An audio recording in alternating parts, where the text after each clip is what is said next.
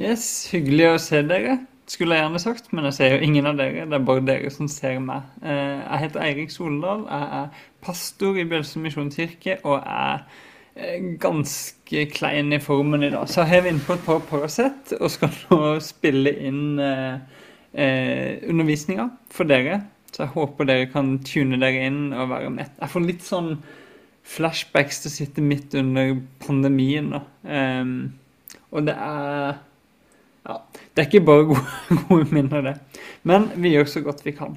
Vi skal begynne med å lese en eh, bibeltekst. Og den finner vi i eh, Markus kapittel 1, vers 35-39. Markus 1, 35-39. Og hvis dere har lyst til å finne den på eh, i Bibelen som ligger rundt på bordene, så ligger den på side 1130. Så Da deler jeg skjermen min her. Og så begynner vi. Tidlig neste morgen, mens det ennå var mørkt, sto Jesus opp, gikk ut og dro til et øde sted og ba der. Men Simon og de andre skyndte seg etter han, og da de fant han, sa de, alle leter etter deg. Men han sa til de, la oss gå videre til småbyene her omkring, så jeg kan forkynne der også. Det er derfor jeg er kommet. Så dro han gjennom hele Galilea, forkynte i synagogene deres og dreiv ut de onde åndene.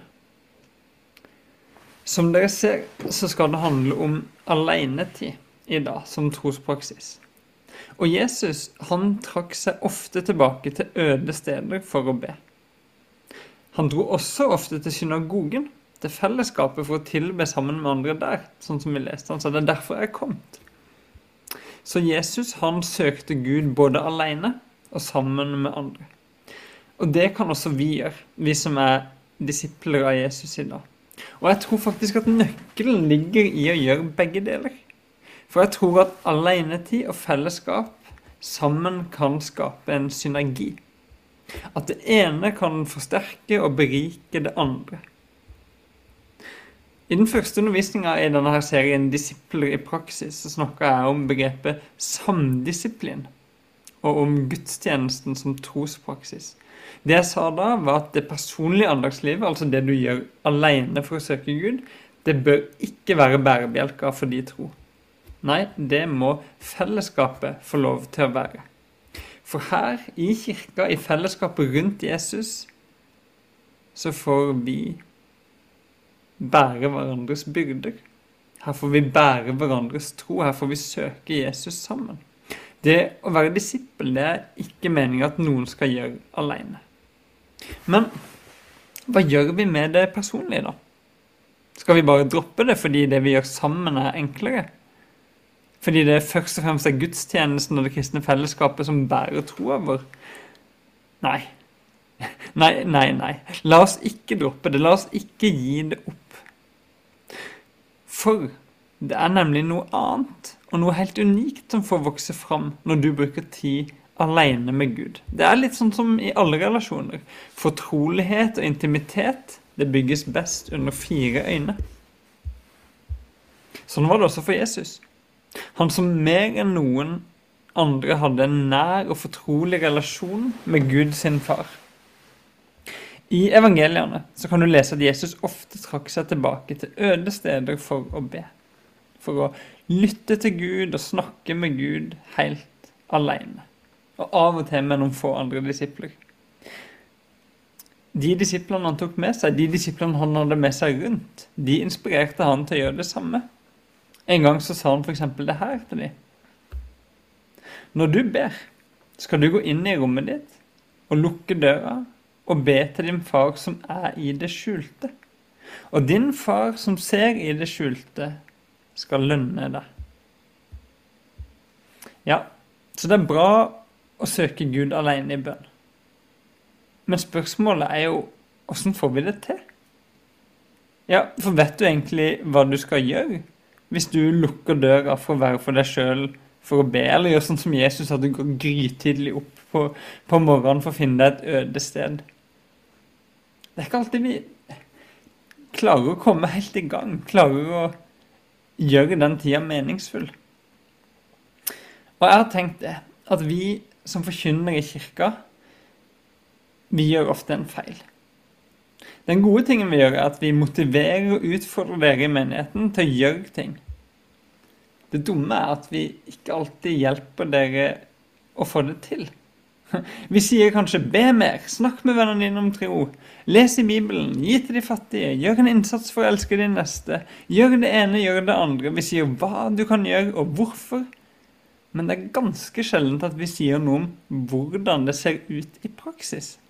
Og i dag har jeg lyst til å snakke om hvordan. Jeg har rett og slett lagd et verktøy for dere, en slags bruksanvisning om du vil, til hvordan en bønnestund kan se ut. Den ligger på bordene. Eh, jeg la de under biblene da jeg var på kontoret på fredag, så der finner de sikkert der. Dere kan åpne de opp og kikke litt på de nå hvis jeg vil. Eh, hvis jeg ser på overskriftene der, så er dette en bønneordning som er inspirert av gudstjenestens fem ledd. Det jeg snakka om eh, i undervisninga for et par uker siden.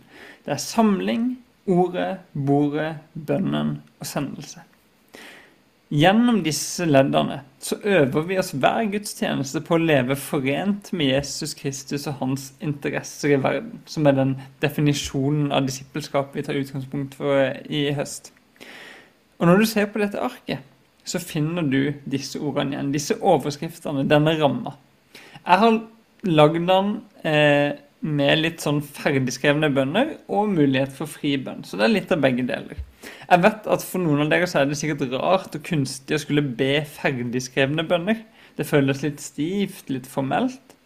Men jeg deler dette med dere likevel, fordi for meg så har dette vært en nøkkel for at jeg i det hele tatt skal klare å be i perioder der det er vanskelig. Når ordene mine ikke strekker til, så er det så godt å få lese noen andre ord som jeg kan hvile i, sånn at bønnen blir mulig å få til. Det er litt som når vi synger lovsanger sammen. Vi synger noen andres ord, men vi gjør det til våre egne. Uansett om du bruker det her arket eller ikke, eh, om du bruker ferdigskrevne ord eller snakker fritt og åpent til Gud, så tror jeg disse fem leddene fra gudstjenesten kan være en fin ramme for en personlig andagsstund. Det er i alle fall min erfaring. Og jeg har lyst til å fortelle litt om erfaringene mine med det her, og bruke de fem leddene i bønn.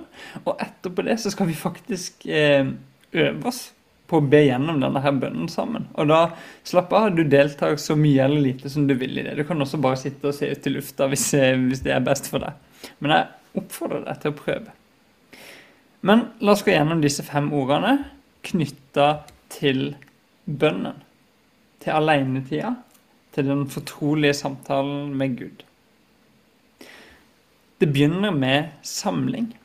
Og jeg trenger å samle meg når jeg skal be. Jeg trenger å senke skuldrene, puste rolig ut, lande i meg sjøl, være til stede. For da blir det også så mye lettere å vende blikket mot Gud. De gangene jeg ikke samler meg, så føles det ut som jeg bare leser og ber masse ord uten egentlig å koble meg på. Det blir litt som å ja, spise maten kjempefort uten egentlig å ta seg tid til å smake.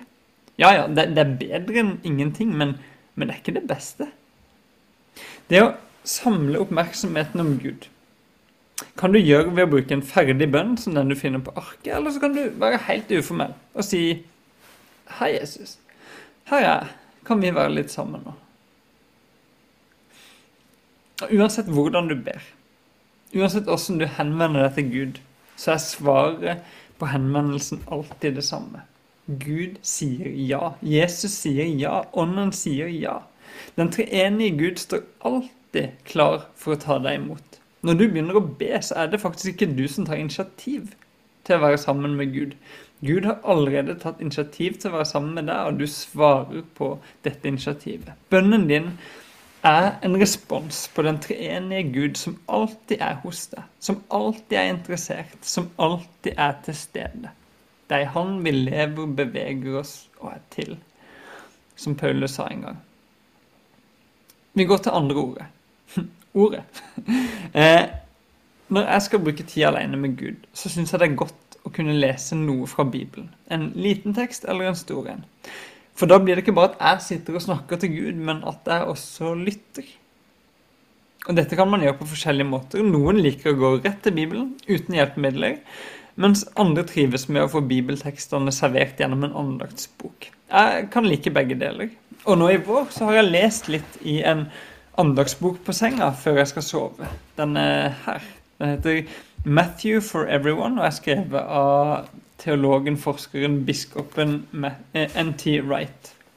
I den boka så får jeg lese en liten tekst fra evangeliet, fra Matteus, etterfulgt av en kommentar som hjelper meg å forstå teksten bedre og relatere den til mitt liv. Så jeg har gjort det her en del kvelder. Men etter hvert som jeg holdt på og leste, så kjente jeg at det, det er noe som ikke stemmer. Det er noe som mangler. Jeg, jeg leser og jeg får informasjon om Jesus, og det er fint. Men denne lesinga den oppleves ikke som et møte med Jesus. Så jeg grubla litt på det her og prøvde å komme fram til hva var det som mangla.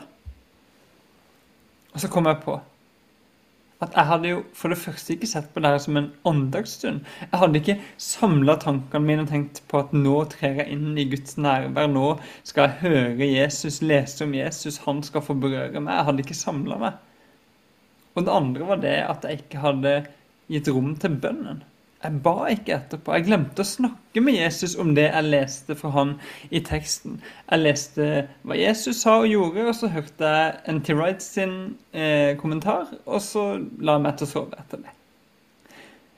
Så erfaringa mi er at hvis du også ber, hvis du tar med deg leddet bønnen fra gudstjenesten når du har en stund alene med Gud, så blir det mye bedre. Nå la noen av dere merke til at jeg hoppa over bordet. Eh, vi kommer tilbake til det. Jeg kjente det, at hvis det å lese en andagsbok skulle bli meningsfullt og livgivende for meg, så måtte jeg også be. Jeg måtte snakke med Jesus om det jeg leste. Så jeg begynte å si noen ord til Gud, til Jesus, om hva jeg leste. Det her utfordrer meg. Oi, det her minner meg om den personen. Dette her syns jeg var vanskelig å forstå. Og så videre. Jeg snakka med den Jesus jeg møtte i teksten, og da ble det så mye mer meningsfullt. Og så er det jo selvfølgelig mulig å lese Bibelen uten å snakke med Gud om det du leser. Det er fortsatt bra å bare lese Bibelen, men hvis du dropper bønnen, så blir bibellesinga etter min erfaring mindre meningsfullt. Da får du informasjon, men du bygger kanskje ikke egentlig relasjon. Du investerer ikke i et vennskap med Gud, og det er jo poenget. Målet vårt er å kjenne Jesus, han som elsker oss så uendelig mye, og få lov til å leve i en relasjon med han hver dag. Og det fører meg tilbake til bordet. Et eller annet sted i løpet av en andagsstund så kan det hende at du merker hvor mye du trenger Gud. Hvor avhengig du er av Hans nåde og kjærlighet. Og i bønnen, i samtalen, i det samværet du har med Han, så tør du kanskje være sårbar, være ærlig. Når du ber, så viser du Han sårene dine, det som gjør vondt hos deg. Og så leser du bibelordet og møter den korsfestede Jesus og oppstandende Jesus som viser deg sårene sine. Og i dette her møtet mellom din sårbarhet og Jesus sine sår, så inviterer Jesus deg til bords. Bordet i en gudstjeneste handler om å feire nattverd og møtes rundt nattverdsbordet. Det er noe vi bare kan gjøre sammen. Men når du er aleine, så kan du gjøre noe som ligner på det.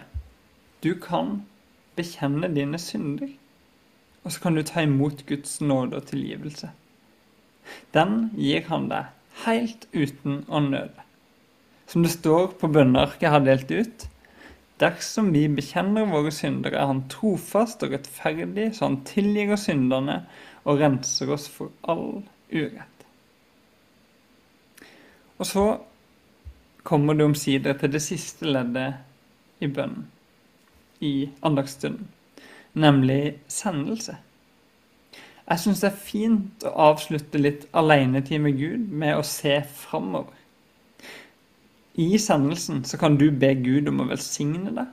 Du kan be Gud om å lede deg gjennom dagen. Du kan be Gud om å fylle deg med sin ånd. Eller så kan du kanskje sette ord på en gang til hva var det jeg leste her som jeg har lyst til å respondere på i uka som kommer, eller i dagen som kommer. Litt sånn som vi hørte om fra Operatio Divina forrige uke. Sendelsen, den er ikke et punktum. Det er utrolig viktig å vite. Sendelsen er ikke en avslutning av bønnen, det er mer et komma eller et kolon. For når du runder av denne alenetida med Gud, når du går ut av det rommet du hadde alene, eller går tilbake fra det øde stedet du hadde søkt deg til, så går du ikke bort fra Jesus. Du runder ikke av samværet med han. Nei, det fortsetter. For når Jesus sender disiplene ut, så sier han, se, jeg er med dere alle dager inntil verdens ende. Han er med deg alltid, om du ber eller ei. Jeg tenker at disse fem gudstjenestelederne kan gi en fin ramme for en stund alene med Gud i bønn. I løpet av noen få minutter, eller gjennom en hel time, alt etter som hvordan du legger det opp, så kan du prøve å samle tankene dine om Gud, lande i deg sjøl, vende blikket mot Han. Du kan lytte til Hans ord. Du kan snakke med Han i bønnen, be om tilgivelse og nåde ved bordet, og bli sendt ut i hverdagen igjen. Tror du at du kan få til noe som ligner på dette? Tror du det her kan bli meningsfullt for deg?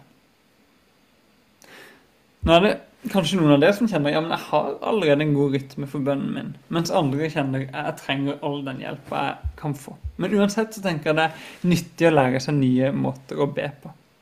Og jeg tror det er bra å øve seg.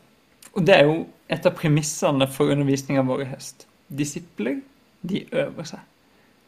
Og så har jeg en erfaring med at det er enda lettere å få til noe alene som du først har øvd på å gjøre sammen med andre. For eh, en stund siden så var jeg med på en sånn Jesus-dojo som etter Kristus hadde et kurs der vi øvde på å søke Gud i stillhet. Og da skulle vi bl.a. be stille 15 minutter hver dag, altså en helt ordløs bønn. Men så møttes vi en gang i uka for å snakke sammen, og da gjorde vi det også sammen. Da satt vi i bønnen sammen, stille. Eh, så da var det akkurat som jeg øvde meg på den tida jeg skulle ha hjemme. Og jeg hadde på en måte med meg menighet, eller ikke menigheten, men den gjengen jeg gjorde sammen med, sin støtte da jeg gjorde det hjemme. Så jeg tenker at hvis vi øver på å bruke dette arket jeg har delt ut nå, så har vi med oss hverandre hjem inn i den bønnen når vi er alene med Gud. Skal vi prøve? Dette tar noen få minutter, og du kan bli med i så stor eller liten grad som du vil. Og du har også lov til å bare sitte stille og observere. Hvis dere nå finner fram arket, så skal jeg prøve å lede dere gjennom det her. Vi begynner med samling.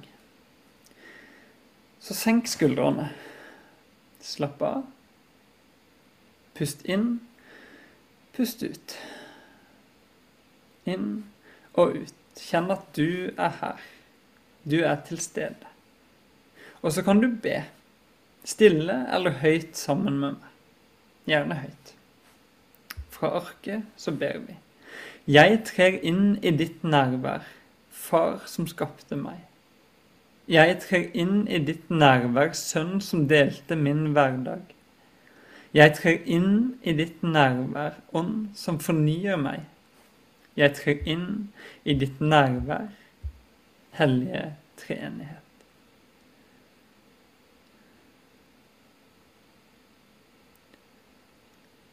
Og Så fortsetter vi til ordet og leser en bibeltekst, den samme som vi hørte i stad. Prøv gjerne å leve deg inn i teksten mens vi leser. Tidlig neste morgen, mens det ennå var mørkt, sto Jesus opp. Gikk ut og dro til et øde sted og ba der. Men Simon og de andre skyndte seg etter han. Og da de fant han, sa de, 'Alle leiter etter det'. Men han sa til dem, 'La oss gå videre til småbyene her omkring, så jeg kan forkynne der også.' Det er derfor jeg er kommet.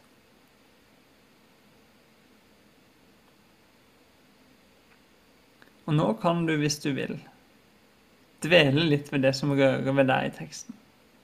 Kanskje til og med snakke med Gud om det.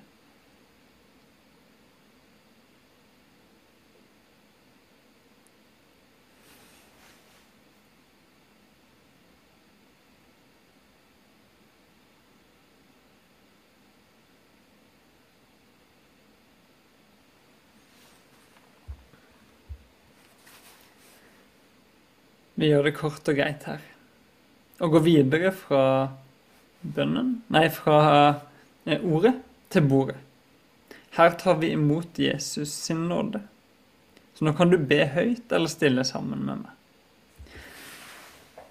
Jeg kommer til deg, Herre, med dagens strev. Jeg legger mine byrder ned for dine føtter. Tilgi meg mine synder. Gi meg din fred og hjelp meg å ta imot ditt ord. Og så er vi igjen litt stille. Kanskje kommer du på noe du trenger tilgivelse for. Noe du angrer på. I tilfelle så kan du fortelle Gud om det nå.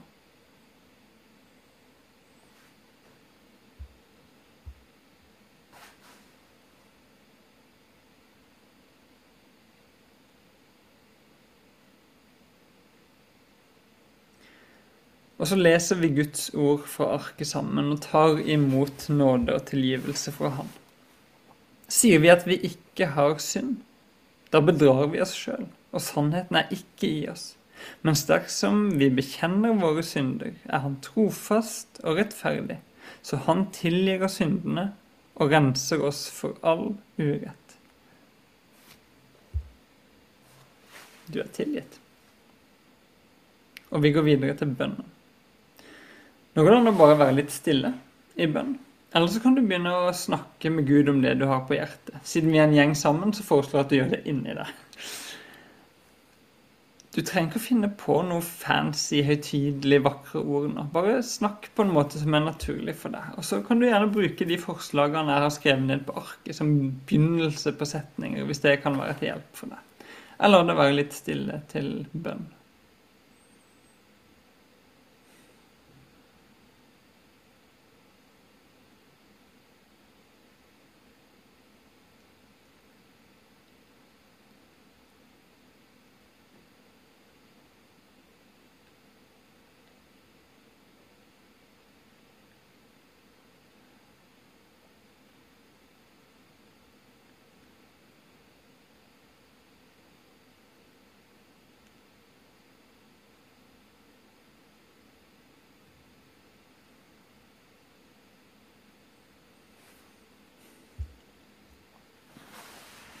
Så går vi til sendelsen og lar Gud sende oss ut i dagen igjen.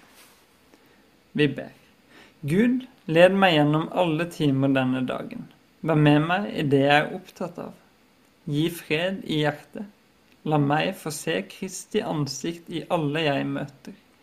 La alle jeg møter, få se Kristi ansikt i meg.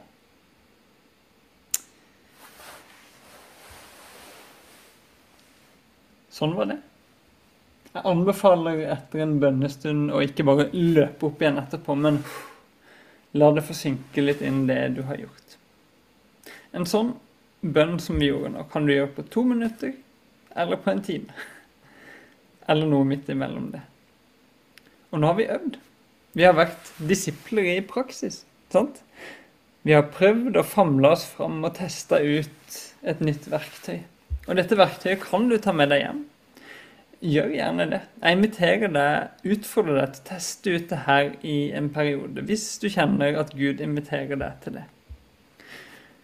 Og jeg tenker det at det fine med å ha en personlig andagsstund på akkurat denne måten, med de fem leddene, er at det er en så tydelig sammenheng mellom det du gjør alene, og det vi gjør sammen i gudstjenesten.